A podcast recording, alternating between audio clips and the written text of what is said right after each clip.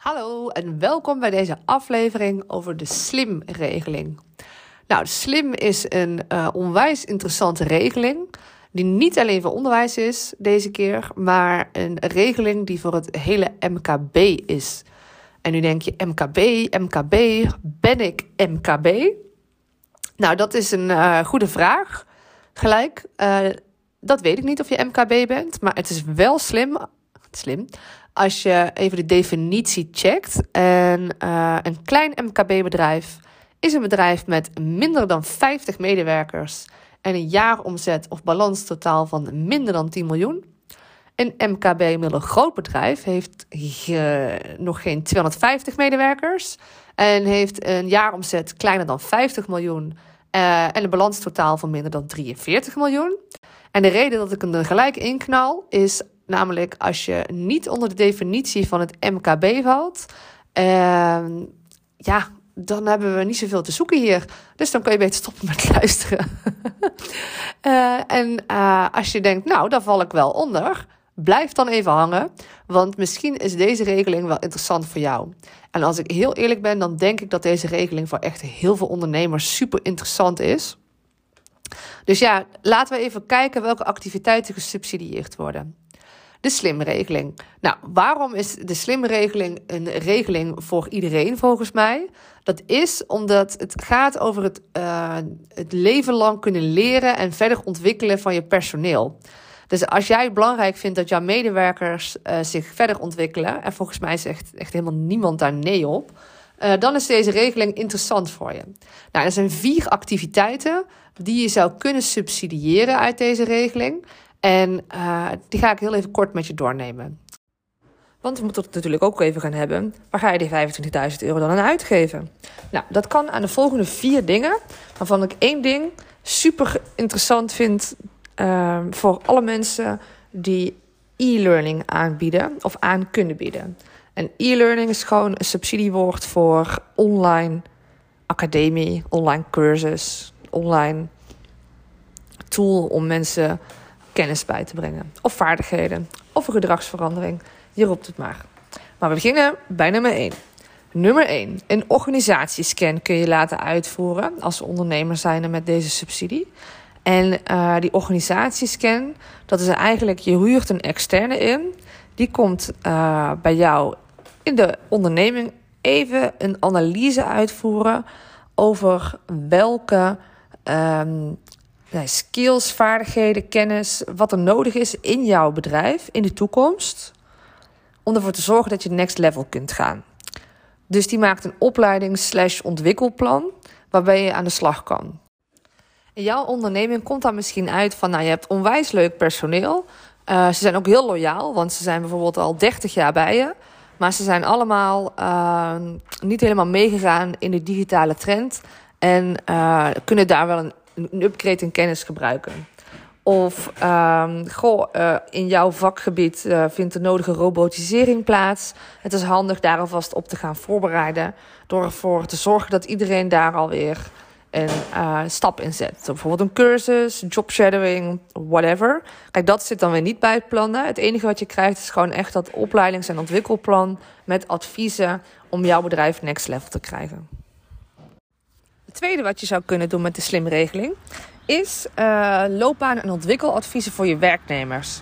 Dus dat betekent dat je wederom een externe inhuurt en uh, loopbaan- en ontwikkeladvies laat geven. Dus uh, als eerst gaan ze de competenties en kwaliteiten van je medewerker inzichtelijk maken. Van nou, hier is hij mega goed in. Hier kan je nog wel een stap zetten. En welke toekomstige loopbaanmogelijkheden passen je nu eigenlijk bij? En dat, ja, deze gesprekken zorgen er eigenlijk voor, automatisch, dat iemand echt serieus gaat nadenken van... hé, hey, wie ben ik, waar ben ik goed in, uh, wat wil ik in de toekomst? En het houdt, uh, zorgt er eigenlijk ook weer voor dat jij als ondernemer... Uh, jouw hele nou ja, leiderschap, dat je gewoon ook inzet op vitaal leiderschap... en dat je ook inzet op duurzame medewerkers dat zou handig kunnen zijn voor de strategische planning voor je bedrijf. Dat hangt er heel erg vanaf waar je staat. En uh, ja, wat een beetje, als je de thermometer in je personeelsbestand gooit, hoe ze er zelf allemaal in staan. Zijn dit de werknemers bijvoorbeeld uh, die jou uh, naar de volgende stap gaan brengen? Of is er helemaal geen volgende stap nodig? En is, zijn, is dit wat het is? Wat helemaal prima is? En zijn dit dan de mensen die je nodig hebt? Of uh, ben je in het verleden wel eens de mist ingegaan door te zeggen van goh, nou, ik had hele leuke buurmeisjes, die heb ik maar aangenomen, want ik ben zo bevriend met een moeder. En uh, is het dit dan misschien de tijd om eens te kijken of die buurmeisjes nog steeds in je bedrijf passen? Ik noem maar een zijstraat. Je kunt natuurlijk zelf de, adviseur kiezen. Dus daar heb je ook invloed op. Dat heeft ook weer invloed op wat uit zulke gesprekken gaat komen. Uh, dus ja, zorg er goed voor dat je de afweging maakt. En, ja, en bedenk bij alles wat je doet, wat wil ik hier nou eigenlijk mee? Kijk, want dat je er subsidie voor kunt aanvragen is, is hartstikke leuk. Maar uh, ja, als je er niks aan hebt, dan is het alleen maar een verspilling van echt iedereen zijn tijd. Nu komt er eentje die ik zelf ook echt mega interessant vind. Dat is namelijk het verkrijgen van ondersteuning bij het vormgeven of invoeren van een methode die werknemers stimuleert kennis, vaardigheden en beroepshouding verder te ontwikkelen. En uh, daarmee kun je bijvoorbeeld een bedrijfsschool opzetten. Om ervoor te zorgen uh, dat, uh, dat leren en werk wordt gecombineerd. Maar ook dat je gewoon echt een hele leerrijke werkomgeving hebt. Die ervoor zorgt dat jouw medewerkers telkens bijgeschoold kunnen worden. En daarvan zou je in deze tijd een e-learning kunnen ontwikkelen en die e-learning kunnen inzetten. Het is niet zo dat als een uh, werknemer een training volgt, dat die training dan betaald wordt. Uh, dat de tijd die de personeel besteedt aan de training, dat die tijd betaald wordt. Maar wel het invoeren van de methodiek zelf valt onder de subsidiëring. Dus ook als jij bijvoorbeeld uh, een hele inspirerende online cursusverstrekker kent. Zelf zit ik bijvoorbeeld bij Simone Levy. Ik vind al haar challenges, cursussen, alles wat ze doet, vind ik mega inspirerend. Um, dus ja, als je haar zou uh, vragen om een e-learning te ontwikkelen, dan zou die kosten die daarmee gemoeid zijn, die zouden, daarbij, die zouden daaronder kunnen vallen. Uh, dus ja, dat zijn bijvoorbeeld dingen die wel interessant dan ineens worden. Want dan heb je iemand die en top-notch gewoon echt high-end. Uh, die kan je gewoon voor jouw bedrijf inzetten op een manier die je ook nog uh, kunt borgen. Dus dat is wel echt onwijs super tof. Het vierde en laatste wat je kan doen is het bieden van een praktijkleerplaats in de derde leerweg. Uh, de derde leerweg uh, is een opleidingstraject zonder wettelijk vastgestelde urennorm. Dus bijvoorbeeld bij een MBO-instelling uh, is er geregeld dat als je MBO-opleiding, ik roep maar wat, business en management gaat doen, niveau 4, dan duurt die altijd drie jaar. ik weet overigens niet of dit waar is, maar dat is even een voorbeeld. Of je gaat de HAVO doen, dat duurt vijf jaar. Of je gaat, uh, nou ja, goed, er is een bepaald, uh, bepaalde tijd aan gekoppeld, maar ook een bepaalde uh, urennorm. Want iedereen die business en management niveau 3 heeft gedaan, die heeft zeker 1050 lesuren gehad per jaar. Nou, bij de derde leerweg is dat allemaal losgelaten. Maar krijg je wel een MBO-diploma. Dus dat geeft heel veel flexibiliteit. Want dat betekent dat je niet jarenlang een opleiding hoeft te doen. Um, en het is ook aantrekkelijk voor volwassenen die zich willen laten omscholen. En als je dus zo iemand een opleidingsplek aanbiedt binnen jouw bedrijf, dan is daar ook subsidie voor. En uh, die subsidie krijg je dus voor het bieden van een praktijkleerplaats, zoals dat heet. En uh, die vraag je uh, niet aan bij de slimregeling, maar bij het RVO. En dat is maximaal 2700 euro uh, per student. En dat hangt er een beetje af uh, van hoeveel mensen het aanvragen. Want als de hele goede gemeente erop gaat, dan uh, wordt die lager vastgesteld. Maar ehm, als, het, nou ja, als het allemaal wel meevalt, dan krijgt iedereen gewoon die 2700 euro. Maar die krijg je dus achteraf. En de reden dat ik hem noem is omdat die volledigheidshalve ook gewoon bij de slim als optie staat. Um, overigens, mocht je nu denken van, maar ik heb een BBL-leerling in dienst. Kan ook gewoon. Dus die kun je ook gewoon, uh, daar kun je ook subsidie voor aanvragen. We weten allemaal dat het best wel wat tijd kost om dingen te leren. Wat helemaal prima is. Alleen dat kost dus ook heel veel begeleidingstijd. Uh, en die kun je dan op deze manier lichtelijk compenseren voor jezelf. Dus dat is ook altijd wel fijn. Dus die zou je ook nog kunnen doen. Denk je nu, nou, ik, vind dat, uh, ik ben het helemaal met je eens, Daan. Ik vind dat ook mega interessant dan zou ik zeggen: neem even contact met me op. Of als je denkt van hé, hey, Ik ben uh, ook uh, iemand die e-learnings uh, verzorgt. Neem dan ook even contact op. Of misschien zijn er al klanten die gebruik van jou maken. Of en nog meer gebruik van jou willen maken. En dat dan ook kunnen als ze deze slimregeling aanvragen. ik zou zeggen, echt go for it. Echt super, super belangrijk in deze tijd. Investeren in de mens.